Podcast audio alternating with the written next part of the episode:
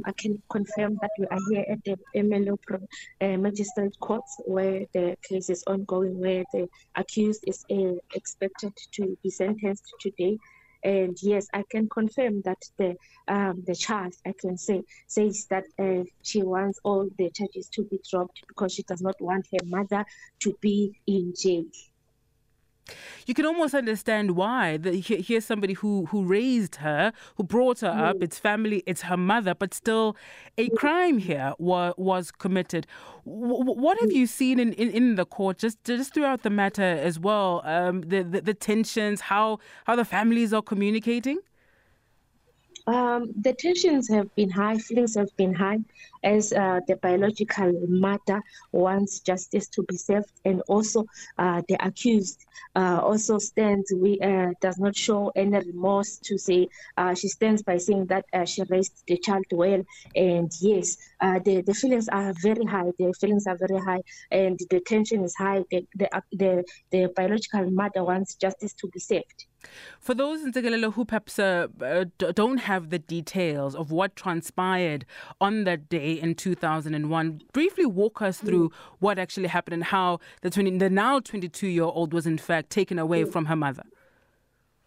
Um, it happened that back then in 2001, on the on the 31st of May, uh, the biological mother of the child, who was 16 years then, gave birth to this baby girl and then she was with her sister which is the aunt to the child.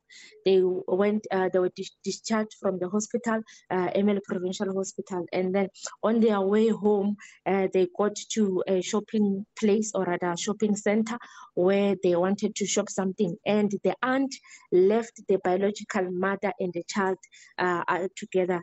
And then she said that she's going to the shops to get something.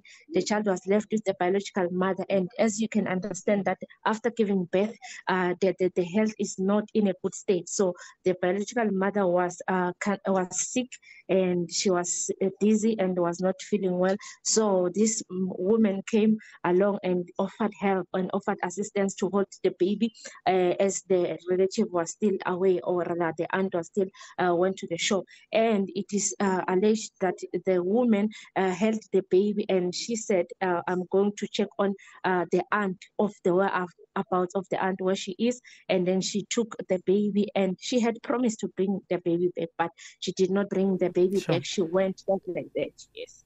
So sentencing is is about to be handed down.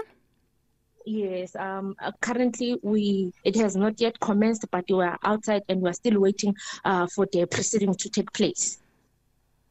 Thank you very much, SABC reporter Ntsikelelo Nkuna on the line from the Ermelo Magistrates Court.